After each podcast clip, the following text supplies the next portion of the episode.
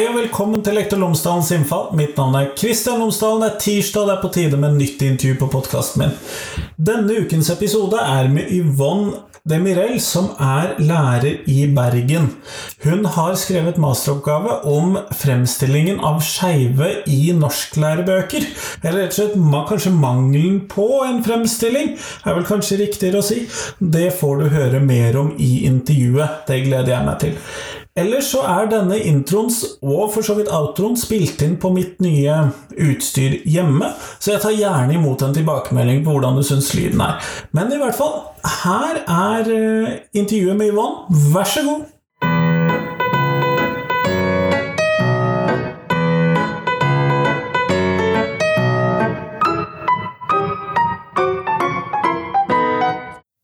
Yvonne Demirel, tusen takk for at du har tatt deg tid til meg i dag. Bare hyggelig. Selv takk. Før vi starter selve intervjuet, kunne du ha fortalt lytterne mine tre ting om deg selv, sånn at de kan bli litt bedre kjent med deg. Ja, tre ting om meg. Jeg har verdens beste jobb eh, som lærer på voksenopplæringen ved Bergen katedralskole. Eh, så det er mitt daglige virke. Det må være ting igjen. Um, jeg er gift med min kjære Heidi. Um, det er ting to. Eh, og ting tre tenker jeg er at jeg har en eh, bakgrunn med mamma fra Nord-Norge, med alt det innebærer, eh, og far fra Tyrkia. Og så hadde jeg mine første barndomsår i England. Så selv om jeg har alltid vært helt og fullt integrert i det norske samfunnet, så har jeg alltid hatt et litt sånn utenfor-perspektiv i at alt som forklares som naturlig og selvsagt og skikk og bruk og sånn, har jeg kunnet se på og si ja, hvor kommer det egentlig fra? Er det nødvendig at det er sånn? Og jeg tenker det er min gave som jeg vil bruke for å se da på dette feltet som jeg har involvert meg i. Ja, fordi at du har jo sett på lærebøkene, og da i norskfaget. Ja. Eh, og du har sett på om de hva skal vi kalle det, mangfold eller mangelen på sådan i de bøkene. Ja. Og Kunne du si litt mer om det? Ja, Det jeg har gjort da, er å undersøke det totale korpuset av norsklærebøker for videregående skole. Eh, Til sammen 20 bøker.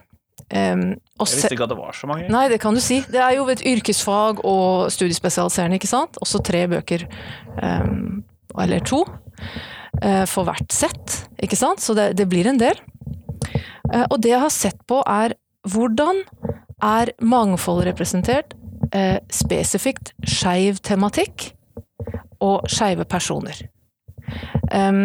Og for å se ok, hvordan er det ivaretatt, hvordan er det det framstilles. Eh, og det var en interessant reise, skal jeg si deg. Ja. ja.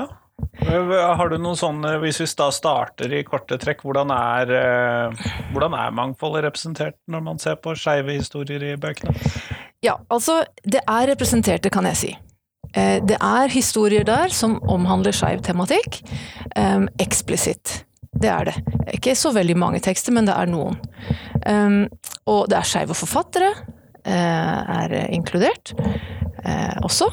Um, men det som er interessant, er hvordan det gjøres. Og det har jeg sett på med et litt sånn kritisk blikk, da.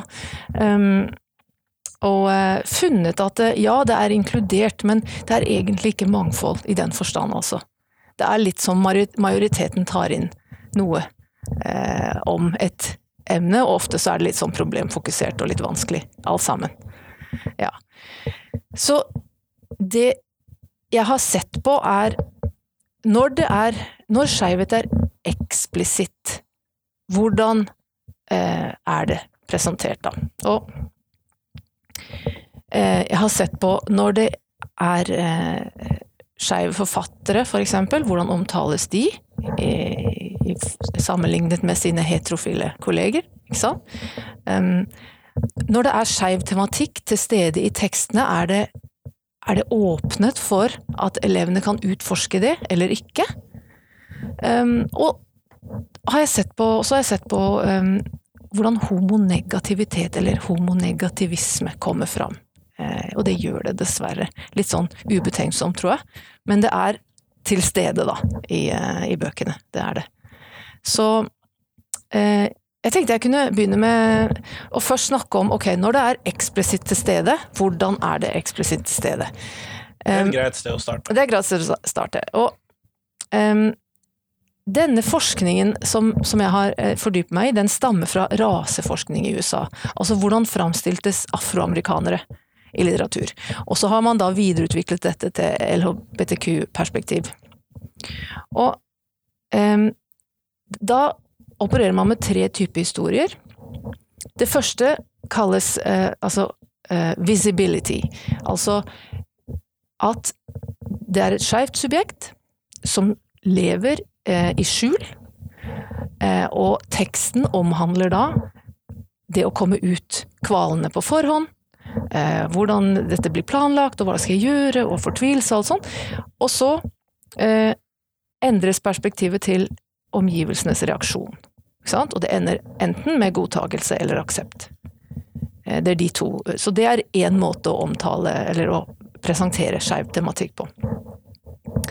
En annen måte er det som man kaller for gay assimilation. Altså assimilation i den forstand at det finnes skeive karakterer som lever akkurat som alle andre. Um, å være skeiv er det samme som å være rødhåret eller venstrehendt. Sant? Men det tematiserer ikke den unike livserfaring eller livsverden hos den skeive. Sånn at det er et sånn implisitt signal om at det, det beste måten å være skeiv på, er bare å være vanlig i gåseøynene, og ikke syns og ikke gjøre noe stort ut av det, kan du si. Eh, og sånne tekster er det også noen av. Og så den siste type tekst kalles queer community, og handler om Eller tekster der skeive lever i eh, støttende familiebånd. Eh, deres unike livserfaring og livsverden er tematisert, ikke sant? Og, og slår egentlig hull, på myten om at eh, å være skeiv, det er å være ensom og ulykkelig. Ikke sant? Så de tre måtene da opererer man med eh, som eh, skjønnlitterære, og egentlig saktekster også. Så jeg gikk gjennom eh, lærebøkene og så ok, hvor det er, der det er tematisert, hvordan er det gjort? Er det fokusert på synlighet, det å komme ut?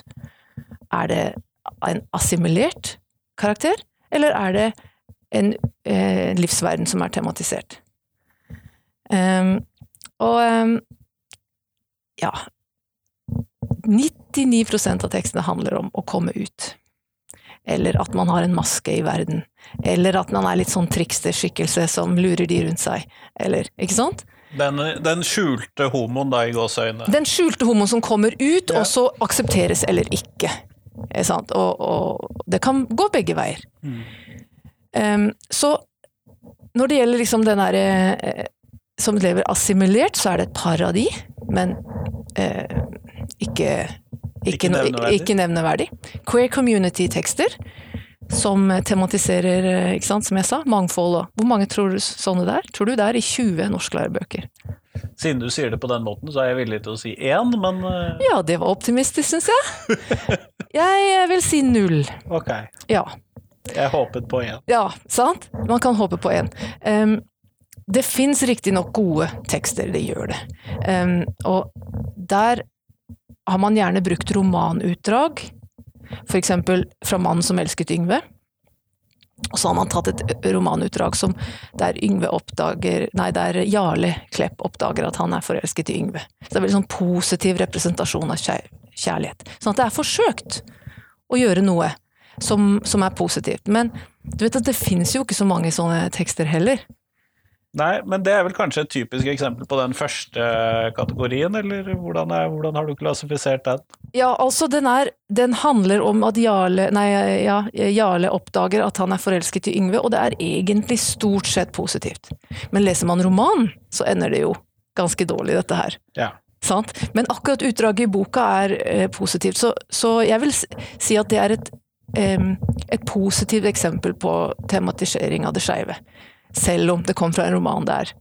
For det fins mange eksempler der eh, med skeivhet eh, tematisert i roman, er utdrag i boka, der er det helt utelatt. Men det kommer jeg tilbake til. Ja, nettopp. Så, Mm. så det fins også, ja. Det fins også. Men når det gjelder disse synlighetstekstene, da, så Altså, så fant jeg visse narrativer som går igjen, som jeg sa til deg. Eh, Skeive karakterer er maskebærere. De er ikke autentiske i verden. Eller de blir avvist. Eller de knyttes til selvmord. Ikke sant? Og den derre forestillingen om at eh, å være skeiv og tilhøre det skeive samfunnet og tilhøre selvmordsstatistikken har en sammenheng. Eh, det er det jeg kaller for selvmordsnarrativet, da. Um, og um, det, det fins det et eksempel på um, i krimsjangeren. I krimsjangeren. I krimsjangeren, så Krim, det vet vi at du kan ikke bare løse en krimgåte med å ha en eller annen eh, romvesen som har gjort alt sammen. Det må være autentisk, og det må være troverdig, og det må være virkelighetsnært. Og disse sjangerkravene eh, er eksempel på at det blir gått gjennom i boka. Vel og bra, det. Og så har de brukt en eh, novelle som heter Arvesynd. Um, og for oss norsklærere så tenker vi umiddelbart på Ibsen og gjengangere osv., ikke sant? Um, så her er et eksempel der de gjennomgår en krimnovelle som ikke står i boka, ok? men de gjenforteller handlingen for å undervise i sjangertrekk. Um, så skal jeg lese litt uh, fra det, hvis det er greit? Les i vei. Uh, så utdrag. Uh, I kriminalnovellen Arvesynd av Tor Edvin Dahl møter vi den middelaldrende presten Pernille Linde, som driver med privat etterforskning i tillegg til prestejobben på østkanten i Oslo. Sammen med medhjelperen Roger Berntsen prøver hun å finne ut hvem som drepte Siri Kolbjørnsen på Saga kino. Roger er transvestitt, noe som viser seg å komme til nytte når han kler seg ut som kvinne og kommer i kontakt med den avdødes venninne Mette. Det viser seg at Mette er lesbisk, og at Siri hadde planlagt å flytte sammen med henne før hun døde. Disse opplysningene skal vise seg å bli avgjørende for oppklaringen av dødsfallet. Politiet mistenker Siris bror Ove for å ha myrdet søsteren. Det er moren deres Kari som ber Pernille Linde om hjelp for å få frikjøpt sønnen. Vi forstår at handlingen foregår i Oslo, men det er få eller ingen miljøbeskrivelser. Det er hele tiden menneskene og forholdet mellom dem som står i fokus. Handlingen er stort sett kronologisk, men vi får enkelte tilbakeblikk gjennom samtalen mellom personene. Det er slik Pernille Linde og leserne finner ut at moren til Siri og Ove overrasket faren deres med en annen mann inne på soverommet. Han forsøkte å leve sammen med dem etterpå, men moren kunne ikke glemme det som hadde skjedd, og rakket stadig ned på ham mens barna hørte på. Til slutt tok han sitt eget liv. Spenningen i fortellingen dreier seg mye om etterforskningen og forskjellige mulige mordere, men i den overraskende slutten får vi vite at Siri tok sitt eget liv fordi hun var redd for hva moren ville finne på hvis hun fikk vite at hun var lesbisk. Broren hadde gjemt kniven så ingen kunne skjønne at det var selvmord. Eh, I tillegg til å være en underholdende kriminalnovelle, tar denne teksten altså opp alvorlige temaer som utroskap, sjalusi, fordommer mot homofile og lesbiske. Helt til slutt kan vi kanskje ane et budskap når presten Pernille Linde ikke har noe svar på Karis spørsmål Hva, hva kan jeg gjøre? Med sin voldsomme fordømmelse har hun drevet to mennesker i døden, selv ikke presten vet hva hun bør gjøre nå. Så dette utdraget viser at her skal man undervise i krimsjangeren, men det følger en hel del med på kjøpet her. Ja, veldig mye med på kjøpet. Veldig mye med på kjøpet. For det første, Roger, transvestitten Roger, som kommer til nytte i gåseøynene. Altså det at han er transvestitt kommer til nytte fordi han kan lure Mette til å avsløre noen detaljer om dette her. Altså, men leser man eh, novellen, så vet Mette utmerket godt at Roger er transvestitt. Så dette er et eksempel på dette maskebærertemaet som jeg snakket om, at det er en sånn, lurekarakter. Jeg vil jo umiddelbart tenke at en kvinnelig prest også kanskje kunne kommet og blitt fortrolig med denne Mette også. Ikke sant? Ja, så, så det er noe der. Eh, så den vinkles på en måte mer ekstremt enn i novellen til Dahl.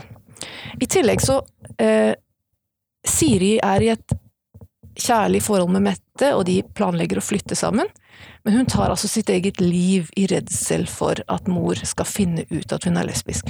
Og broren gjemmer da våpenet for ikke sant? Så det her er det bare lag på lag med tragedie. Um, og det er ingen oppgaver her som er med på å at vi kan reflektere over dette, at elevene kan tenke på det, at kan, vi kan kanskje ha gode samtaler om det. Det er bare brukt som en undervisning i krimsjangeren. Så det er dette jeg mener. At når det er skeiv tematikk, så knyttes det ofte til denne type narrativer, da. Ja. Um, så Og fremstilles der relativt negativt, da, sånn uh... Ja, det vil jeg si. Eller problematisk, eller ikke sant, vanskelig. Så jeg føler at det blir en, sånn, slags akvarie, da, hvor man ser på disse fargerike Og stakkars, den, det kommer til å gå dårlig med den, liksom. Ja. I tillegg så er det en posisjonering av leseren her, at dette handler om noe annet. Noe, noen andre. Noe skummelt, noe eh, ikke ønsket, da. En skjebne så ille at man tar livet av seg. Ikke sant? I flere generasjoner. I flere generasjoner. Og arvesynd. Altså Man kan riktignok påpeke at ja, dette kanskje handler om hvordan fordømmelse dreper.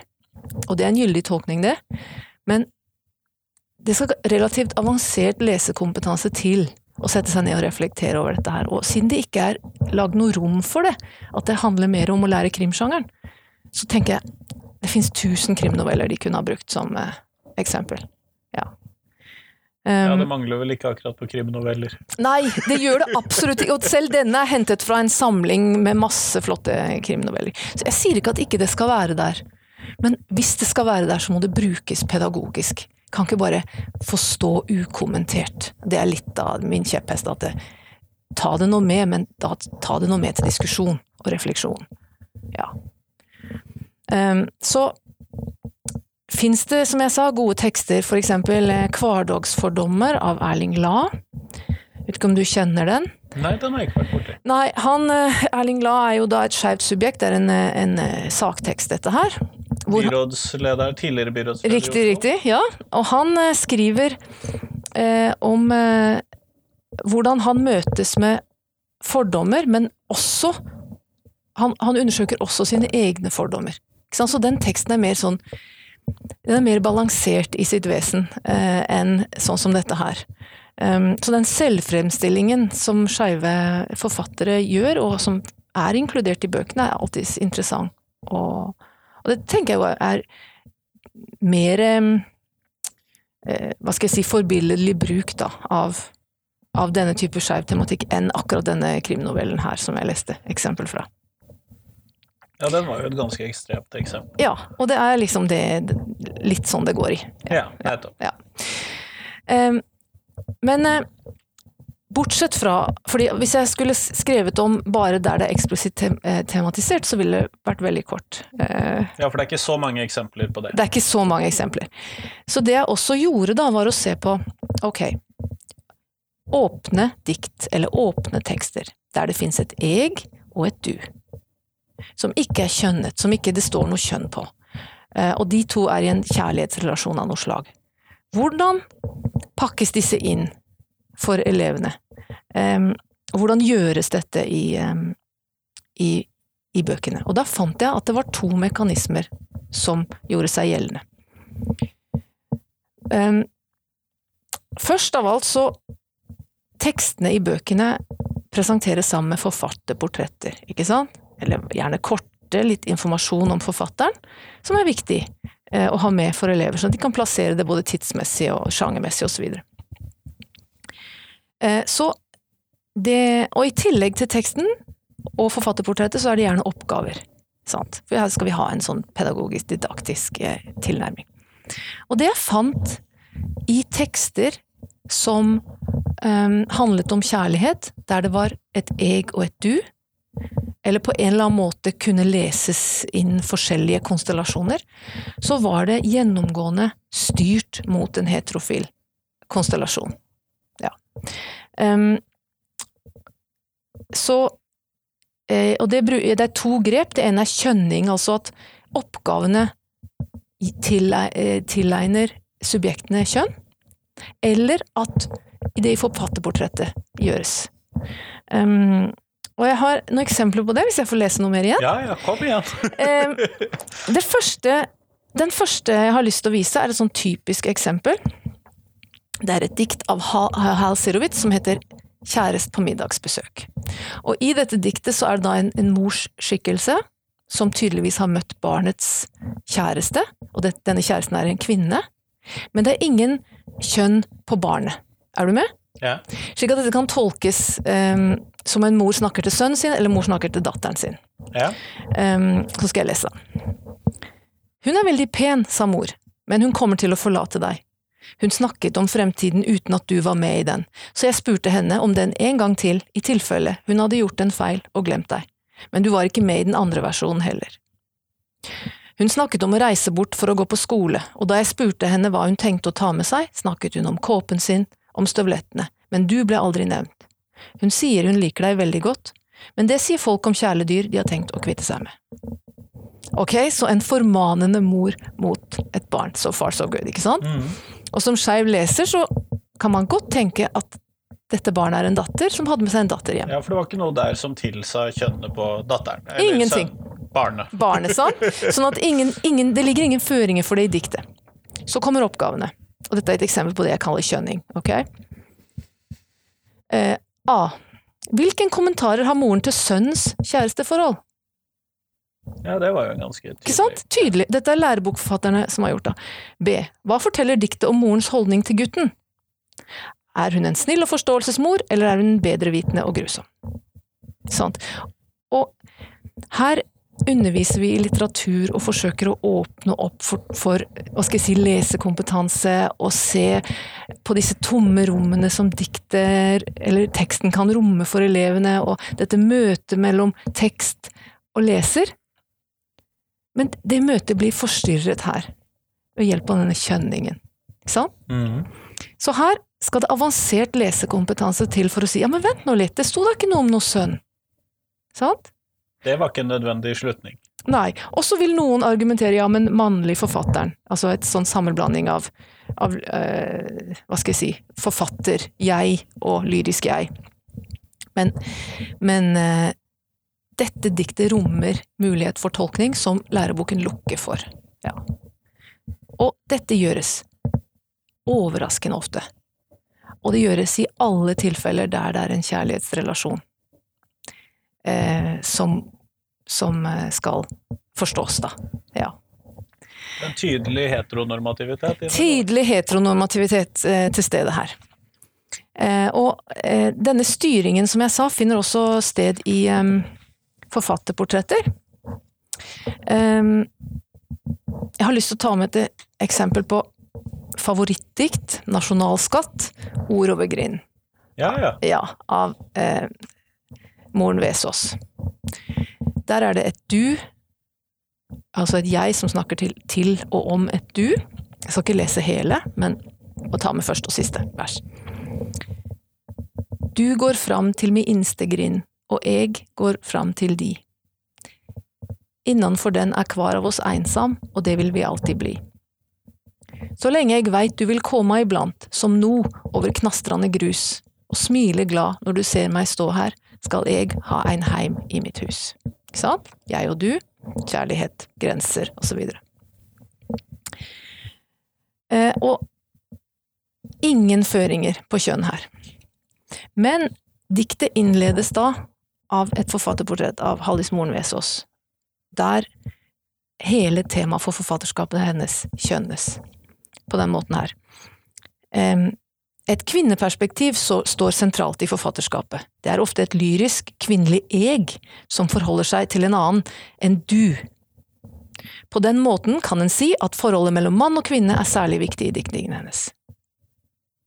Skjønner? Så når du leser da dette først, og så leser diktet, er det, no, er det noe annen mulighet enn å lese det slik som forfatterportrettet har lagt føringer for? Nei, ikke når du er 16 år, ikke sant? Nei, knapt når jeg er 34. Knapt når du er 34. Eh, og det er riktig det, at eh, forholdet mellom mann og kvinne er viktig i Haldis Moren Vesaas eh, forfatterskap. Skal ikke underslå det. Men det er så få tekster som er tematisert på en måte som, som, slik at det går an å kjenne seg igjen i. Så når åpne tekster er på den måten kjønnes, så, så forsvinner en mulighet, da. En, en tolkningsmulighet. Eh, og dette eh, gjøres overraskende ofte i disse bøkene. Eh, det gjør det altså. Og det, jeg tror det er bare gammel vane. Eller blindhet, eller heteronormativitet, som du sier. Men det, det er med på, som jeg sa, å begrense lesekompetansen til elevene. Som, er faktisk, som er faktisk noe av poenget, er jo å lære dem om litteratur. Ja. Ja. Så åpne dikt eh, lukkes Eller åpne tekster og dikt lukkes med kjønning av personen personene i diktet. som ikke står i diktet. Mm. Eh, mens mange av tekstene som omhandler eh, skeive ting, ofte er negative. Mm. Riktig. Ja. Så um, det, Dette var jo åpne dikt som jeg leste, som ikke tematiserer skeivhet i seg selv, ikke sant? Men det er en tredje kategori. Um, og det er tekster der det skeive er mulig å tolke inn. Uh, der det er synlig hvis du ser etter det. Ikke sant? Som du vet, historisk så ble jo ofte skeiv tematikk skjult lite grann, som smuler i skogen. Og så så man etter det og kunne finne sånn typiske subtekst, da, som man snakker om. Um, og en del av disse tekstene har subtekst. Så jeg har også sett på, ja, hvordan um, Når det er til stede um, Hvis du ser etter det, så hvordan er det, er det Er det løftet frem, eller er det utelatt? Bare står der og være opp til den eh, Om du er kyndig nok til å lese det, om du da kan finne det. Riktig. Em, det har jeg sett på. Så nå eh, vil jeg gjerne lese en eh, date mellom to gutter, noe så uvanlig som date mellom to gutter, i, gjengitt i en norsklærebok for, for videregående skole. Eh, og det er et utdrag fra En liten gylden sko av eh, Ingvar Ambjørnsen. På mange måter en typisk Ambjørnsen-tekst som em, har slike ting som eh, Robin Hood-narrativet, ikke sant, klassesamfunnet, litt sånn frikere på utsiden og, En problematisering av samfunnet vårt, Ja. i bunn og grunn. i bunn og grunn. Og disse karakterene her, det er da to gutter på loffen som møtes tilfeldigvis eh, i Paris, hvis ikke jeg husker feil. Eh, begge to er skitne etter eh, lang tids på loffen. De er begge lutfattige. Og så møtes de, og da gir den eh, jeg-personen gir ut hotell, eh, hva skal jeg si, adressen sin til denne Colin. Og plutselig, samme dag som jeg skal reise hjem til, til Norden, så står Colin på døra. Og han har stjålet noen penger. Ok? Så jeg leser nå utdraget. To dager seinere, klokka ti om morgenen, sto han i døra til rommet mitt. Det var den dagen jeg hadde planlagt å rette nesa nordover. Jeg forklarte ham hvordan alt lå an mens jeg fortsatte å pakke. Han lytta oppmerksomt og satte seg røykende på senga. Jeg dro igjen glidelåsen på veska. Ålreit, sa han, men du drar ikke nordover uten mat i magen. Jeg så på ham. Colin hadde forberedt seg grundig på denne middagen, og jeg ble rent rørt da jeg forsto at han hadde tatt meg med i beregninga helt fra starten av. Han hadde hyra et rom på et relativt bra hotell i Rue Lafayette, og vi dro opp dit for å ta en titt på badet. På badet. Eh, Seinere, mens jeg lå begravd i skum og skåldhett vann, og Colin sto under den brusende dusjen, fortalte han meg at han hadde rappa spenna. Jeg følte meg nesten som gjenfødt da jeg stilte meg naken ved vinduet og tok en titt på utsikten. Vannet dreiv av meg, og Colin hadde trøkt en Campari i handa mi. Det ligger ei ny T-skjorte til deg der i posen, han pekte. Takk, jeg krølla sammen den gamle til en liten seigball. Sånn, så her kommer da denne personen til hotellet, ber med jeget på middag, så drar de opp på et dyrt hotell, utforsker badet, er sammen på badet, står naken i vinduet, videre. Altså, hvis dette hadde vært et kvinnelig jeg, så ville det vært vanskelig å lese dette som noe annet enn en date der de hadde kost seg lite grann. Ja, nei, det var ganske åpenbart. Ganske åpenbart, ja! sant? To menn på badet, ikke sant, og det derre blikket ved vinduet, og så videre. Så her er en positiv representasjon, det er ikke noe stereotypt over disse to karakterene, men samtidig så er det en åpning for å lese det skeivt, eller man kan bare være blind for det og ikke se det. Begge deler er mulig. Eh, og det er en del sånne tekster i bøkene. Um, særlig når det gjelder forhold mellom jenter, unge jenter, så er det litt sånn ordløse, og ikke, da er det ikke noe bad og Campari og Litt sånn. mindre tydelig. Litt mindre tydelig enn dette her, men det er der. Sant? Og med skeivt blikk så kan man se det. Så tenkte jeg, ok, går det an å ha oppgaver som utforsker disse subteksts lite grann? Slik at hvis du er eh, Altså, elever de trenger litt hjelp for å se forbi sin egen forståelseshorisont ofte. Hvis man legger inn oppgaver som utforsker forholdet litt, så kan man utvide lesekompetansen deres. Uten å legge føringer, altså.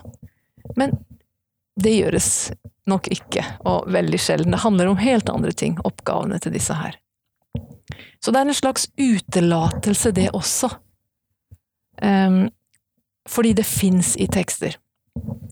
Og dette opplevde jeg som ung elev mye. At for meg så var det jo helt tydelig, ikke sant, Mm. hva som sto der. Men det var alltid ugyldiggjort av oppgavene, eller av læreren som ikke så det som Vi snakka alltid om andre ting. Det var ikke relevant. Det var ikke relevant, det var, og da tenkte jeg nei, men jeg tar sikkert feil, sånn viktige folk skriver jo ikke om sånne ting. Ikke sant? Og det er akkurat det jeg tenker, ja men la oss nå ha i oppgavene en litt utforskning av, av dette her. Var det den typen oppgaver med her, eller var det Nei, da hadde jeg nok eh, Bemerket bemerket og bejublet det, men det var det altså ikke. Eh, dessverre. Men det er mye annet. Akkurat i denne En liten gyldig sko så er det masse annet å utforske, så jeg forstår jo jeg forstår jo at det er andre temaer også, men det er så gjennomgående, da. At det er utelatt. Eh, og det er litt synd. Det ville ikke kostet så mye å få en liten bokstavoppgave etterpå. Nei, eh, det er noe med det at eh, kanskje det faktisk hadde kunne utvide da, denne lesekompetansen som jeg maser om. Fordi at La, la oss nå riste de, eller som La Åse sa en gang, la oss nå vippe de litt av pinnen, disse elevene, da. Ikke sant? La oss, la oss eh, hjelpe dem å se forbi sin egen nesetipp.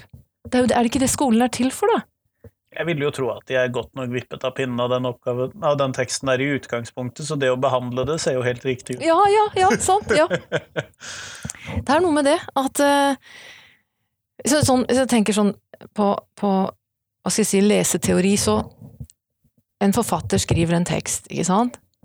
Og man kan sammenligne det med Jeg liker å sammenligne det med stjernehimmelen, at eh, forfatteren legger ut stjerner, og så kan man da så, i leseren i møte med verket tegner da strekene mellom disse stjernene. Det er akkurat som vi gjør på stjernehimmelen. At stjernene har egentlig ikke noe sammenheng, men, men vi tegner, så kaller vi det for Karlsvogna her, Mm. og The Big Dipper i USA. Sant? Det er vi som ser det, som, som lager da figurene.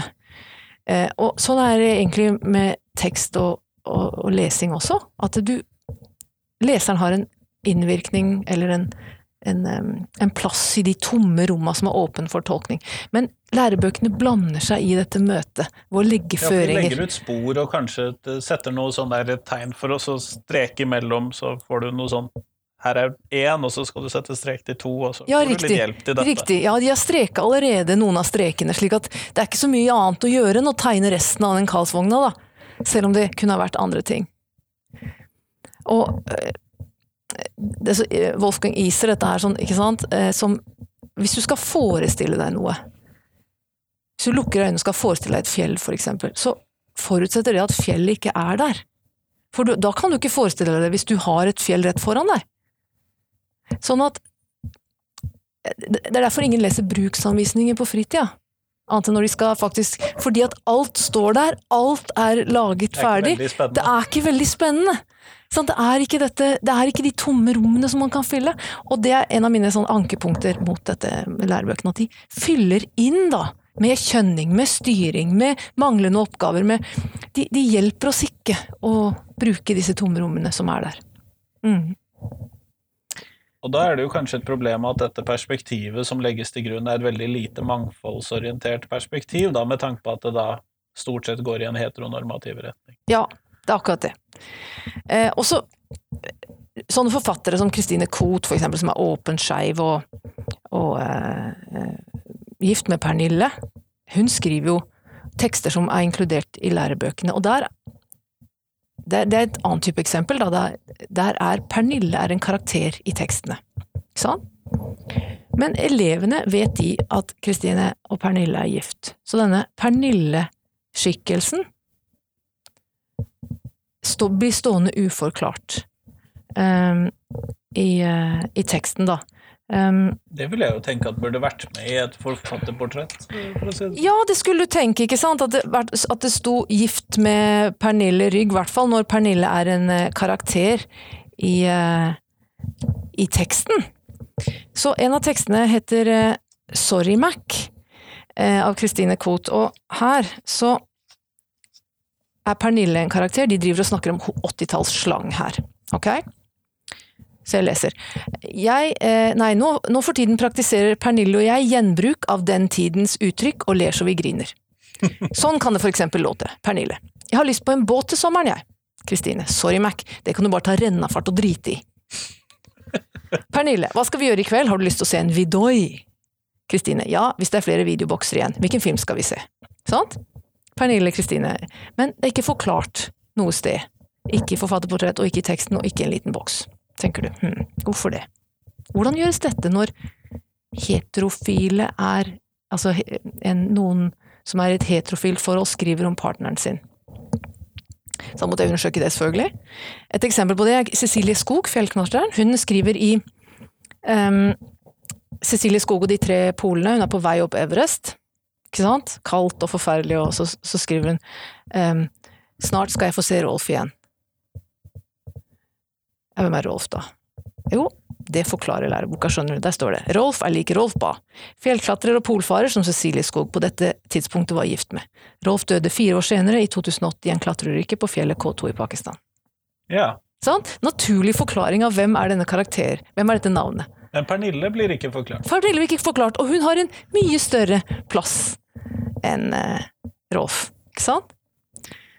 Så det begynner å tegne seg et bilde her, ser du det? Ja. Mm. Og, eh, ja, også, grunnen til at jeg begynte med dette her, var jo at eh, jeg så em, Gunvor Hofmo og Ruth Maier, ikke sant? Mm. Jeg underviste, og så så jeg at det sto, hun, hun sørget over tapet av sin jødiske venninne. Tenkte jeg det var en underlig måte å Formulere det. formulere det på. Hvis du leser Hofmo og kjenner Hofmo, så er Ruth Maier mye mer enn en jødisk venninne. Så det var dette som startet hele denne reisen her. Eh, og jeg har undersøkt alle bøkene, alle 20 bøkene, og ikke ett sted står det noe om eh, Maier og eh, Hofmo sitt forhold. Men at det det står var om Hofmo. Det står masse om Hofmo, og at hun sørget over denne venninnen, og det er masse formuleringer jeg har gått gjennom sånn, en av hennes beste venninner, og veldig sånn nedtoning av det forholdet. Hvis noen hadde kalt min samboer for en av mine beste venninner, så tror jeg jeg hadde blitt litt fornærmet på hennes vegne og mine egne vegne. Ikke sant? Er det ikke noe der? Det er en slags identitetstyveri, er det ikke det? Jo. Og, og leser du om eh, Camilla Collett og, og Wergeland, altså, så er det en oppvurdering av dette forholdet, og det, det brukes for alt det er verdt som fortolkningsnøkkel for både hennes og hans verk. Ja, det sånn, husker jeg. Ja, for det har vi alle snakket om. Og krangel mellom Wergeland og Wergeland. Ja da, dette var jo sånn, Så, så, så norsk, Hvis du kjenner norsklærebok-sjangeren litt, så vet du at sånne ting gjerne fremheves for at det liksom skal bli litt sånn uh, spennende for elevene. Uh, men akkurat når det var Hofmo og Maier, så er det helt borte. Helt usynliggjort, altså. Så, så det nærmer seg et bilde her, gjør det ikke det, av hvordan Hvis man inkluderer skeiv tematikk, at det makter ikke å favne det mangfoldet som, som, som er nødvendig. Det blir litt sånn stereotype karakterer. Eh, åpne tekster kjønnes nok no- ikke med vilje, tenker jeg. Det er bare Det bli, sånn blindhet. Det er sånn man har gjort. Blindhet. Man tenker jo ikke på at det kunne dreie seg om noe annet.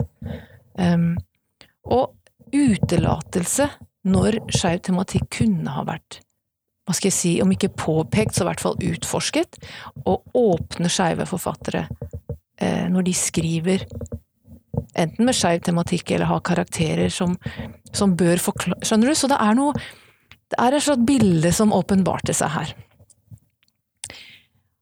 Eh, og det kunne vært greit å slutte der, ikke sant? Men i tillegg så er det uttalt homonegativitet i bøkene, og det det er vi også nødt til å ta med når vi først Ja, hvordan kommer det til om til det. uttrykk? Ja. Det kommer ut til uttrykk på eh, to måter, eh, føler jeg. Em, som du vet, så er det et, et av læreplanmålene i norsk er sånn eh, kulturmøter i tekster skal utforskes. Kjempebra, ikke sant? Og det har vært tolket som etn- etniske minoriteter i møte med majoritetskulturen. Så det er en del av de tekstene eh, som tematiserer det å være etnisk minoritet i eget land. Type Carpe Diem, ikke sant? Ja, ja. Em, men skoleforsker Åse Røtting har gjort en del klasseromsforskning på hvordan homotoleranse, for å bruke det er ikke mitt favorittbegrep, men homotoleranse er en liksom, norsk verdi, typisk norsk verdi. Og at, ved å ta, at det er en del sånn etniske minoriteter som ved å ta avstand fra den verdien, tar avstand fra norskhet. Skjønner du? Så det er, litt, det er et sånt spenningsfelt her. ja, ja. Og det har, det har blitt litt sånn nissen på lasset i de multikulturelle tekster, som jeg kaller de. Fordi de er med, disse tekstene, og der oppgavene fokuserer på rasistisk språkbruk og rasistisk problematikk, men den ho uttalte homonegativiteten som kommer til uttrykk der, den står ukommentert. Så det gir et, det gir et sånt derre bilde av hva som er viktig å kommentere, og hva som ikke er det. Um, så for eksempel da, vestkantsvartinga av Carpe Diem ja. er brukt masse. Kjempe, Carpe Diem er veldig bra, er ikke det jeg sier, men her har vi um, et tilfeller av ehm, Nå skal jeg prøve å rappe, da, ikke noe spesielt god, men um, Du har beef i magen, jeg har kikerter og nanbrød, kikker på meg rart, har aldri sett en farga mann før, vi sparker til deg tarka mens vi banker opp en annen bøg. Sant? Og rapptekster er jo kjent for å være eh, hva skal jeg si kvinnefiendtlige og homofiendtlige, så det er en del av sjangeren, det er riktig. Eh, og lenger nede. Begynte å pakke bagen min, flytter til mm, Romsås, gutta så på meg og tenkte mm, jævla homse ass, dum som noensinne. Håpa på å passe inn, møtt en ondsinna verden siden første klassetrinn. Ja, så, så den handler om å være utenfor, men denne homonegative 'vi banker opp en annen bøg' og 'jævla homse ass', det står der, ikke sant? Så tenker du ok, men dette tar de sikkert opp i oppgavene. Eh, I oppga eller på omtalen så står det 'smak på ordet vestkantsvartinger'. Å kalle noen for svarting er svært nedsettende, nærmest spottende. Men Magdi og Chirag, altså de i Carpe Diem, har lov til å bruke ordet vestkantsvarting fordi de bruker det om seg selv. Ord kan fornærme og skape oppstyr, ikke minst når fornærmelsen kan tolkes som rasisme. Så her er det sånn paradoks at de tar opp rasistisk språkbruk, men ikke homonegativ språkbruk. Så det går igjen da i disse multikulturelle tekstene. Og mange eksempler på det. Em, men det er ikke bare i disse typer tekster det er homonegativitet. Jeg var overrasket over hvordan det er spredd utover tekstkorpuset. Eh, Uten å problematisere. uten å problematisere i hele tatt. Um, og et eksempel til fra Tor Åge Bringsværd, barnetrygd. Her, dette er en dystopi. Vi er, befinner oss i framtiden, dvs. Si 2015. sånn. Og eh, arbeidslivet er så effektivisert at ingen har jobber lenger.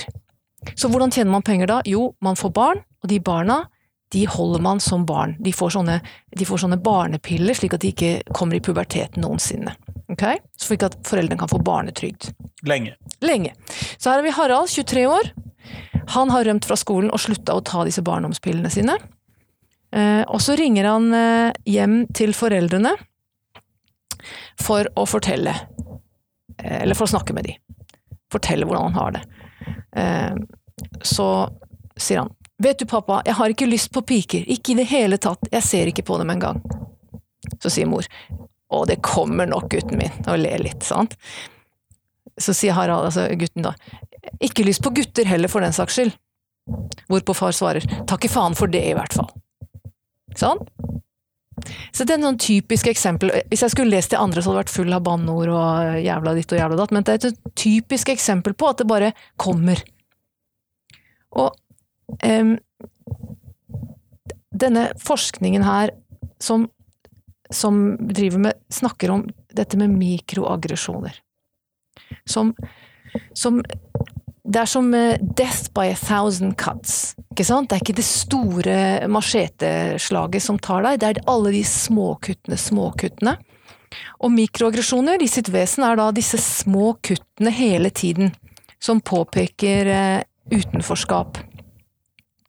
Og det er definert sånn, de er dagligdagse foreteelser av negative kommentarer, enten intensjonelle eller ikke-intensjonelle, som påpeker utenforskap eller uttrykker nedlatende holdninger mot minoritetsgrupper. Et særegent karaktertrekk ved mikroaggresjoner er at situasjonen oppleves svært forskjellig av den som tilhører den utsatte minoriteten, og dem som ikke gjør det. Ok? Så ser man på korpuset av lærebøker, alle 20, så er de fulle av denne type ikke-intensjonelle mikroaggresjoner. Så norskboka er ikke et trygt sted. Du kan i hvilken som helst tekst få dette her, et kutt og et kutt og et kutt. Uten at det noen gang blir et tema som tas opp om teksten. Nei. Det er bare forstå ukommentert. De tar gjerne opp andre ting, for eksempel som jeg sa, rasistisk språkbruk, eller, eller fokusere på klassesamfunn, men det er liksom ikke noe som sier at vet du hva, dette er ikke greit, vi har inkludert det her for å si noe om at dette, dette må vi utforske. Det bare står der, ikke sant? Og så kan man si ja, men er det så nøye, da? Som jeg sa, det oppleves veldig forskjellig fra den som leser, altså den som er medlem av minoritetsgruppen og ikke. Litt sånn som N-ordet. Har du sikkert ja. hørt folk som sier ja, men jeg har lyst til å bruke det, betyr ikke noe negativt, jeg mener ikke noe vondt med det. Sånn? Mens for dem som tilhører den minoriteten, så er det som et uh, spark i ansiktet igjen og igjen. Så det er et maktmisforhold her. Og det overrasket meg også.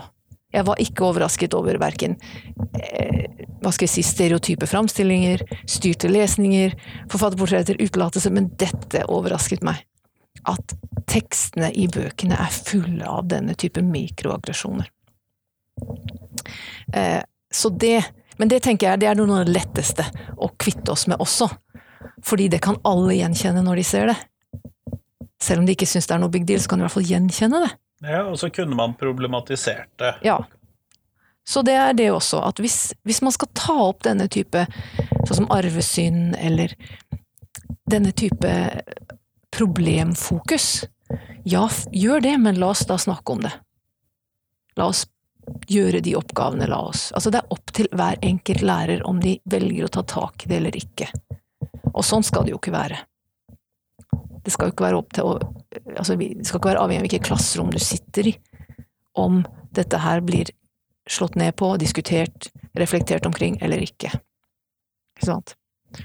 Så her tenker jeg bøkene har en, eh, en jobb å gjøre, rett og slett. Ja, det høres jo slik ut. Ja, Så kan du spørre meg om hva er løsningen? Ja, hva er løsningen? Hva er løsningen? Ja, så i Istedenfor Altså, man snakker i queer-teori om den queere vendingen. Istedenfor at man sier til en majoritet ja, nå må dere være snille mot minoriteten her, og inkludere de og være greie og, til, og tolerere de. Sant? Så ut, bør man heller vende det rundt og utforske hvilke mekanismer og strukturer som gjør at noe ses på som naturlig og selvsagt og oppvurdert og ønsket, og noe annet ikke. Hadde man kunnet hatt tekster som utforska det perspektivet, så hadde det vært veldig interessant og eh, rusta elevene godt når de skulle ut. For inklusjon med de beste intensjoner klarer rett og slett ikke å, å, å romme Eller klarer ikke å kritisere strukturene som vi ikke ser, disse usynlige som du sa, heteronormativitet eller eh, patriarkalske ideer, eller Vi må liksom under, bak fasaden, og se hvordan? Hvorfor er det sånn? Og istedenfor å ha debattoppgaver, som, som, jeg ikke nevnte, men noen par av norskbøkene har debattoppgaver sånn Bør homofile få lov til å adoptere barn? Det ville aldri stått eh, Bør eh, keivhendte få skrive med sin venstre hånd? Ikke sant? Det hadde vært en gøy oppgave. Det hadde det. Men det er noe med at vi lærer majoriteten at de har rett til å, å vurdere om de aksept, vil akseptere eller ikke. Altså, å sette noens menneskerettigheter opp til debatt syns jeg ikke er greit, eh, sånn som det gjøres. Og de tekstene som er systemkritiske, de finnes i lærebøkene allerede. Det var for eksempel en tekst av eh, en som heter Brostrup Muller, som skriver om Han skriver på Vinnerlaget, heter den teksten, og den reflekterer over eh, hvordan det er å være hvit heterofil mann, og det privilegiet det medfører. Fra en, u, eh, en uvant vinkel å, å, å undersøke privilegium. Eller eh, Jeg vet ikke hvor kjent eh, lytteren din er med alle disse tekstene, men for eksempel eh, Ta den stygge andungen, da. Den kan vi regne med. Den kan alle kan. Den stygge andungen utforsker utenforskap og annerledeshet og iboende ikke sant, verdi og sånn på en måte som gjør at det handler egentlig om alle. Det er ikke sånn at 'å ja, nå skal vi problematisere det å være homo', dere. Det er mer ja, men alle står utenfor på en eller annen måte på et eller annet. Tenke mer, tenke mer sånn intertekstuelt på det, da. Eh, og hvis man hadde utnytta potensialet i de tekstene, og hatt diskusjoner omkring det, og utvida lesekompetansen til elevene til at de selv kunne gjenkjenne disse subtekst, så ikke bare lært de, hva skal jeg si, alle sammen ha de alle sammen på motorveien, men utforske noen stier på siden her. Da, vi, da vi, nærmer vi oss eh, målet. Så jeg må si at det, bøkene har mye potensial i seg, men det er også De må bare, hva skal jeg si Ikke stå i veien for seg selv her. Nei. Det er rett og slett det. Ja. Så du spurte meg hvilke fag ville jeg hatt i skolen hvis jeg fikk eh, Ja, det det si noe om det, ja, så ville det vært en slags, i forlengelsen av dette, en slags kritisk tenkning. Som har, eh, som, som har røtter i, i, i, eh, i retorikk.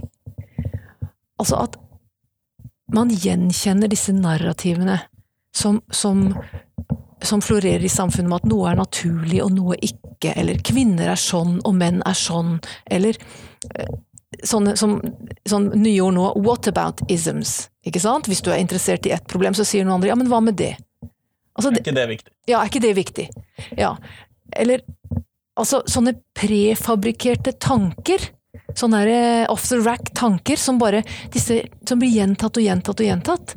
Å lære seg å gjenkjenne det, og ha en slags kritisk eh, tenkning på hva er det jeg hører? Hva slags argumenter er dette? Sant? Sikkert sett den der tegningen med Den kan være både kanin og and. Kommer Ja, an på hvordan du ser på den. Litt sånn, la oss se ting fra begge sider. Det er ikke alltid en and. Eller det er en and og en kanin. Skjønner du? At vi, vi har en kritisk tenkning som lærer oss å gjenkjenne at de tingene vi blir fortalt og servert, bør alle være gjenstand for undersøkelse og, og dekonstruksjon, da. Hadde vi kunnet gjort det, så hadde det vært godt rusta til å ut i denne verden vår der det, der det er faktiske kulturmøter. Kjempeflott. Tusen takk for at du tok deg tid til meg i dag. Bare hyggelig!